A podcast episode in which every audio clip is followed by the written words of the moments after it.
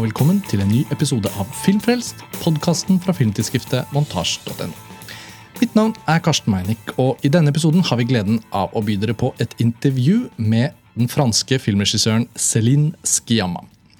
Hun er kinoaktuell nå i romjulen med sin nye film 'Portrett av en kvinne i flammer', og har tidligere gjort seg bemerket med debutfilmen 'Vannliljer' og 'Tomboy' og 'Girlhood'.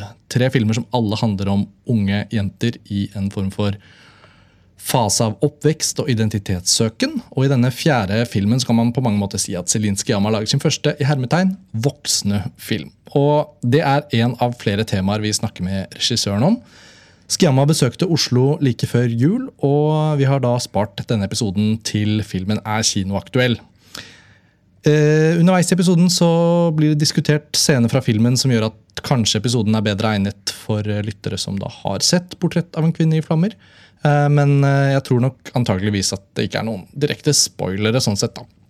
Skiamma eh, snakker bedre engelsk enn undertegnede, men jeg tror samtalen er, ålreit å høre på slik som den er. Så da får jeg bare ønske dere god fornøyelse. 'Portrett av en kvinne i flammer' er altså den fjerde spillefilmen til Celine Skiamma og går på norske kinoer nå. Med det er det bare å ønske dere god lytting og godt nyttår. How should I start? Celine Skiamma, welcome to Oslo. Thank you. It's a really great opportunity for us to sit down with you. Uh, you are a filmmaker that a lot of us in our magazine have been following since your first film, Water Lilies. I'll be using the English titles. Uh, it's always fun for us to try with the French, but only with Tomboy, I guess. And and uh, but uh, we saw that film while the magazine was about to be started, and uh, I think I saw it in Gothenburg Film Festival, and uh, it was among those kinds of inspiring films that you know it's from a first-time filmmaker, and you see that that kind of story is possible to make but the poetry and the insight sort of in a very complicated theme but the film is very open. It struck me. And then it struck me again with tomboy and with girlhood and now again with portrait of a lady of fire. So just like a general opening question how important has it been for you to kind of find that cinematic language that can keep all these films as open as possible? Because i feel like you, you're doing it on purpose obviously to to, to draw us into maybe a difficult theme or or characters we don't know, like the girlhood gang. I would never approach them and talk to them, but mm -hmm. through your film, I can really. So um, this is something I've been thinking about. Well, um, I, I, guess uh, in the beginning it was much more intuitive uh, than uh, today, um, but um, there's definitely a thread here. And friendship within the film. Um, I guess now, uh, if if if you would have asked me in 2007, I, I guess I wouldn't have been able to answer that question. Um, but today, I think I, I, can at least I can give you an answer from 2019. Um, it's not because you are uh, representing uh, characters or scenes or ideas uh, that haven't been represented much, that it's all about that. It's still about inventing a new language. Um, like it's not enough being just about okay so like for instance water lilies mm. is the rise of desire mm. um, of a lesbian desire uh, uh, for a very young for a young girl um, like this could be enough in a way mm. you know. Yep. Um, it, um, but it's about how how cinema um, uh, is about still inventing. It's not because it's a new image mm. that it's going to be new. It's because it's it's your language, it's your interpre- interpretation of the image that will um, um, make it new. I must say, like for instance, in Portrait of a Lady on Fire, mm. for, um, there is uh, an abortion scene. Um, there is very few abortion scenes in cinema. Um, so one might think, okay, I'm gonna try to portray an abortion scene, yeah. but um, it's not enough. Uh, I, I like, for instance, that scene. I didn't felt it was complete, and I think and, and I talk about the process of writing until I had an idea, a visual and also narrative idea that would make it belong to that film. Um, so each film has its own grammar. Um, and now that there is a kind of a body of work because we have four films to Yeah. discuss. We've been waiting. Like yeah, three is almost, but Yeah. when's the fourth coming? And now it's here. we can see a pattern of uh, um, um, inventing an image. You know, our like sometimes my I'm not going to say enemies, but the, mm, Critics. critics. no, but one might say, okay, um, if cinema is political, then you know, it- like cinema would be an alibi for politics. Or when we talk about new representation, mm, uh, like filling in the blanks would just mean uh, putting a character that hasn't been seen or telling a story that hasn't been told. Mm, that it would be just about that, but it's always about inventing a new language. Yeah. It's not because a min- an image is missing that you're just filling the blank with the actual image. Um, that's why cinema is so political. It's because you still have to invent the language for that new image. Yeah. The image doesn't exist, and that means you have to invent it.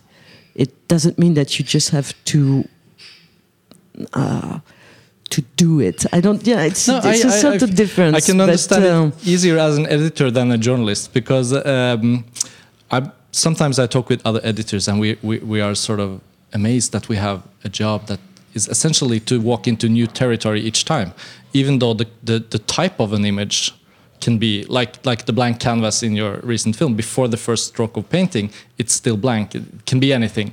And it's the same like when you walk into a new project uh, well you're the writer and director so you will know where the images come from but for the editor it can be very blank. Like you walk in the first day you open it and it's there. Yeah. it's a new image. It's but it's also reinterpretations of an not an old image but something that has been portrayed but by someone else Yeah. never as original as that Yeah. and I, f- I really f- I don't feel that with all cinema I watch as a cinema goer but I feel it with the films that can not necessarily all the ones I like the most but the ones that challenge something within me and I think it's really really um, interesting about your body of work that it finds a way to challenge me each time yet I can recognize your voice at the same time mm-hmm. so it's like I guess it's not a question, but it feels like you are you are searching still, like not being comfortable with the the way you are making your films, and that. To me, with Portrait of a Lady of Fire, which sort of like your first grown-up film, or I Yeah. don't know how you describe it, but but it's so interesting to me how it seems like it could also be your first film, in a way, you know, because it seems like your camera is constantly not totally sure it's supposed to be there, but the intuition is that it's there. yeah. Um, uh, do you feel like that yourself, or or do you feel uh, is it harder to sort of invent? No, I feel like that also because there's challenge in every film, of course, but challenge that we are aware of. You know, of course, making films is challenging. yeah, uh, practical challenge. Of course, but like for instance, Portrait of a Lady on Fire, I knew it would be um, a meditation, also a reflection about a shot, reverse shot, which is something that I hadn't done much before. A very few shot, reverse shot in Oh. my films. Um, and this time, when I decided to go with the mm, um, with, with the love dialogue and also uh, a creative creation dialogue within a love dialogue, I knew that it would be about shot reverse shot because it's about an, uh, uh, somebody posing for somebody else, and I was like, okay, so now is the time for me yeah, to think about shot reverse shot. Um, and um, there was already a, the beginning of um, of a, of a reflection around about shot reverse shot in uh, girlhood uh, in two scenes. Um, one scene is a love dialogue between uh, Mariam, the character, and her love interest. It was shot reverse shot, and it, it's because it was a love dialogue, uh, a seduction scene, and the other big one is the Rihanna scene, um, which is actually kind of a sketch for Portrait of a Lady on Fire because the character is looking, gazing at her friends dancing, and she enters her own gaze. Um, and Portrait of a Lady on Fire is a lot about. Is I mean, the gaze is basically the plot of the yeah, film yeah, I know. um, and it's all about how yeah it's all about so it's a lot it's a film that has a lot to do with editing also because Mm. shot reverse shots the rhythm you will find in the editing room um, and it's about characters being very still i mean we we I, I went i went very there was a lot of pressure on shot reverse shot on Yeah. that film because you have to pose so for instance Yeah, yeah. Adele Haenel's character she is still um, and the painter character Marianne she's moving but very very i mean she's taking just one step Mm. um, uh, closer or, or further from the canvas. So this is this is a lot of content and and and the challenge is how do you uh, create a progression within this short reverse shot throughout all the film? Um, kind of also in, in a very um, i don't know the word in meta meta uh, you know when you Yeah, yeah, yeah. I can. you're kind of discussing it within your choices. Exactly. Um, and to be playful with this idea and Yeah. harvesting this idea. Basically, I think, uh, and it's really obvious in Portrait, but it was already the case in Water Lilies, and it's two films that are really in dialogue. I yeah, think. I was thinking a lot about Water Lilies. Yes. and it's the one I've seen uh, furthest back in time. So I felt really that uh, I'm gonna have a uh, like a little Sciamma festival uh, around Christmas. and also because there is Adele in both of them, obviously, but also because um, it's the two films where there is a very strong global philosophy uh, with local solutions, and I think you know s- um, that's how I I try to think about cinema in my films. It's very strong global philosophy, like this short reverse short meditation, for Yeah, instance yeah. with very very precise local solution and it's the discussion within these two layers Mm. um, that actually invent the language of the film And I also think, building on that, your films have this wonderful balance of um, what can we say, like the, uh, who occupies the images. Like you're never crowding it. Uh, it would be so easy. It would be so easy to end up with five more kids there, and you know, three more there, or you know, when the w- when the chorus here around the fire could have been more in a way, because that's what we're used to. But there's a strange discipline that I don't know if it's conscious, but I think about it a lot, uh, especially preparing for this conversation. And I thought it's essentially somehow Celine Sciamma, she knows exactly the amount of people necessary to create the tension or illustrate the theme. Or is that very conscious to you? Like in Tomboy, it could it's a very um, microscopic universe when you kind of describe it. But when I think about the film, it feels very universal, as you as you say how, how, like when you write, when you prepare, like when does this element come into your sort of concentrated? Yeah it's more and more conscious because for water lilies for instance i didn't know that i would be so obsessed with the fact that the frame should only be filled with things you want to look at um, so my um, my assistant director, for instance, planned a lot of silhouettes, figuration. I don't know, look at when you the, Yeah, the people that are stand stand ups. No, not stand ups. The people, you know, uh, like there's a scene, extras. Yes. Yeah.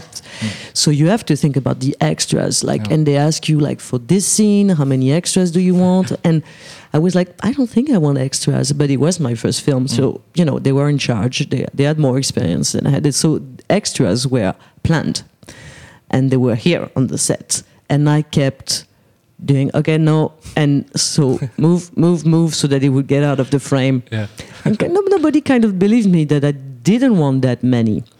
Um, and now they trust me, and, Yeah. and they should because you know it costs money. So It does. It's, uh, it's uh, you're, the, you're the new favorite director. I'm gonna have only eight people. exactly But for the swimmers, you had to have some sort of number. I'm sure. for Of the, course. Yeah, choreography of the. and now I know I trust myself on this. I know the numbers are, are, are right. Um, and it's the same actually with well i'm not compare people to uh, accessory, accessory but um, it's the same with um, and portraits is mm. really really uh, emblematic of that like what you put also in the frame regarding the objects and i want to pay attention i want to be i want everybody to uh, pay attention to what's in the frame so you shouldn't put things you're not interested in um, and for portrait, for instance, it's a reconstitution.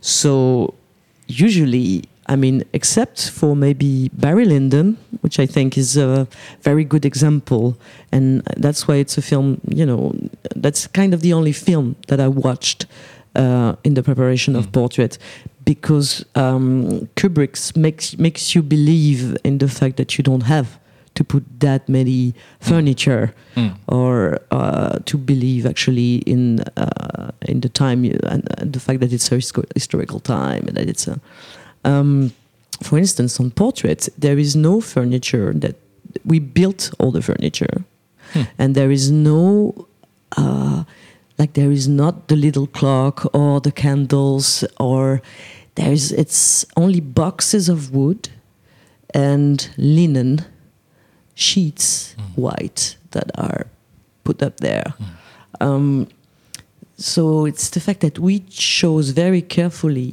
everything that is in the frame because everything is going to play.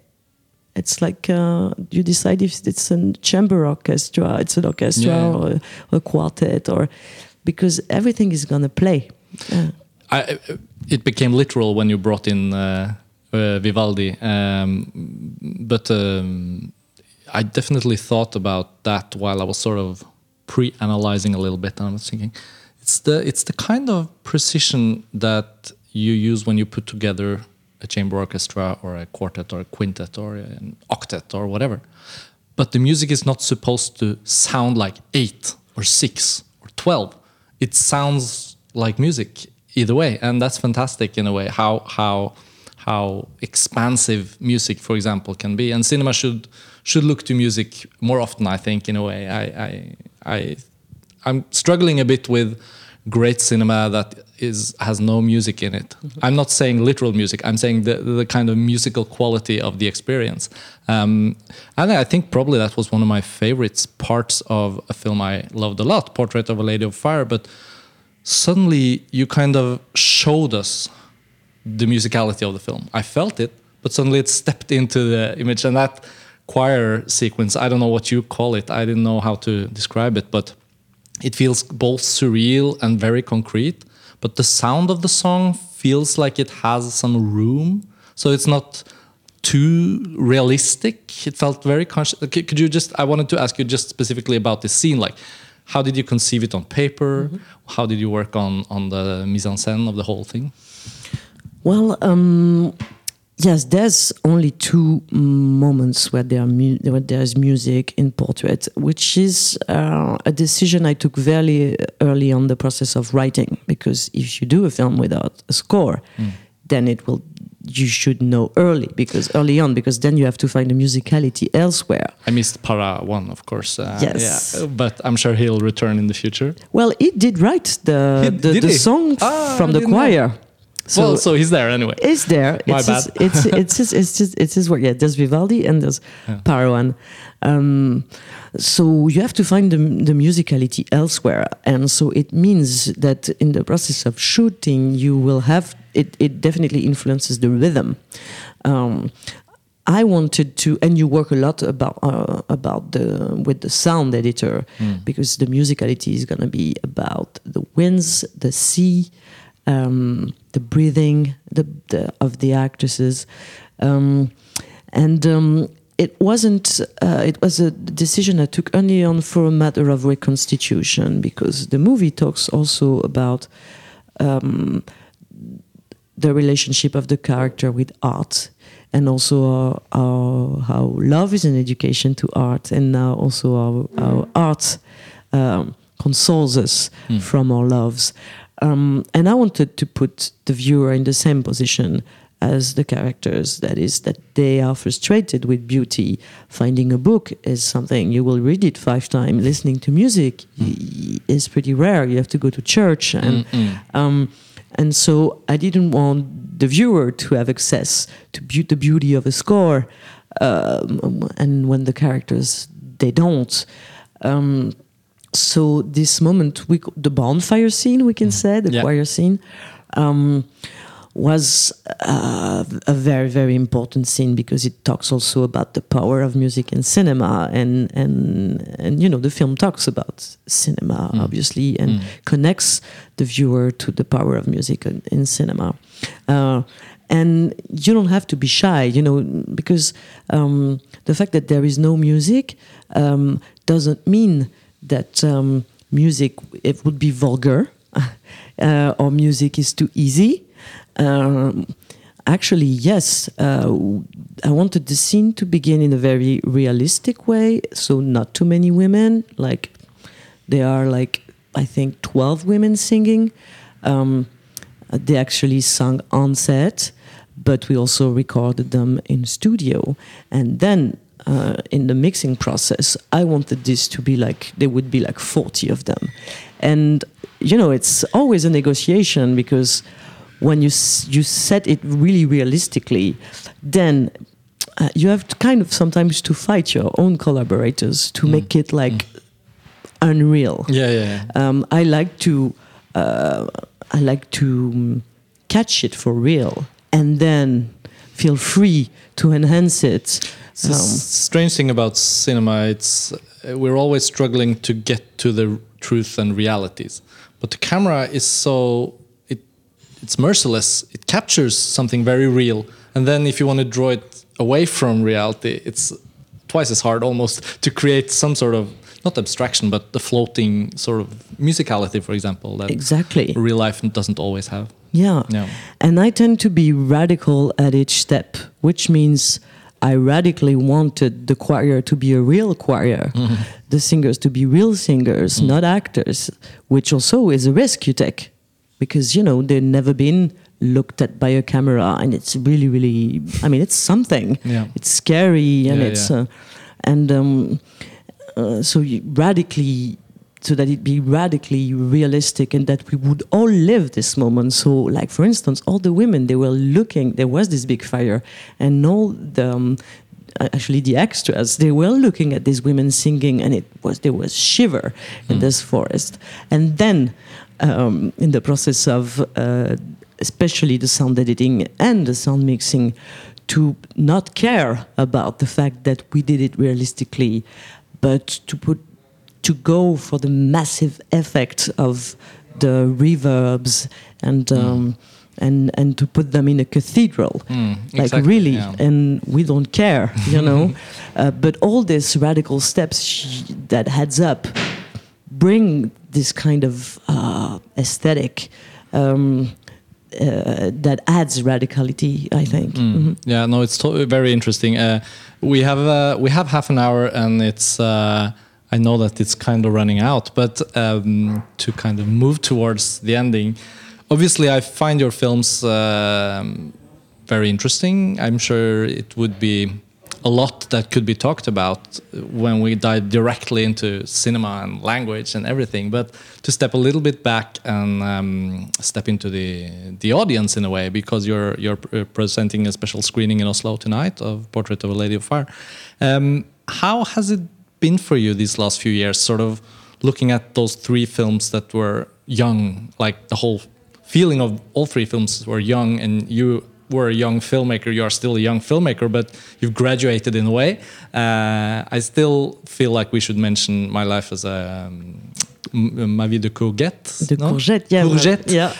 Uh, its Norwegian title is Løvetannbarn. Something completely different. Uh, it feels as your film as well. I don't know how how much you consider it a part of the oeuvre, but to kind of see this film is also to see s- beginning of something, the beginning of a chapter. How where do you sort of consider yourself now with bringing this film out to an audience around the world? You're in Oslo now, like. Do you meet people and find that they know all your films? Do you feel like they are discovering you now? And how? What's what's next? No, I definitely have a feeling that um, people are really familiar uh, with the body of work, and uh, well, you know, that's the beauty of uh, touring, and it's that, uh, and also that's the beauty of cinema is and doing Q and A's, and and it's that people that choose to be in the room. Yeah.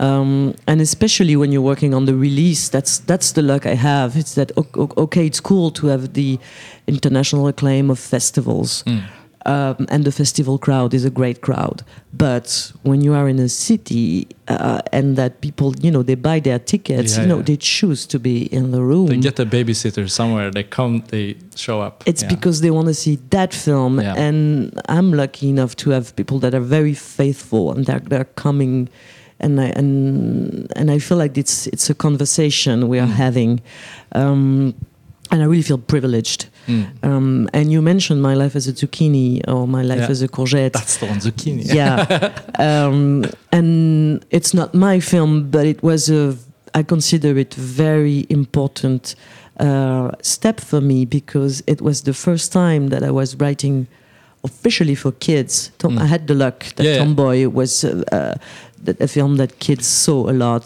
The 10 and 11 and 12 year olds that watch Tomboy when I'm there at the cinema here in Norway, they love it. So I was lucky enough to get that Yeah. attention, but it wasn't crafted for them. It was Mm. crafted to include them, Mm. you know, praying for Mm, kids yeah, to yeah. see it. But Zucchini is different, and it's and in the process of writing this film, I I kind of learned. I kind of it helped me took the step to be more even more straightforward with the emotions and portraits is also a consequence of that. I think the emotional journey, the fact that.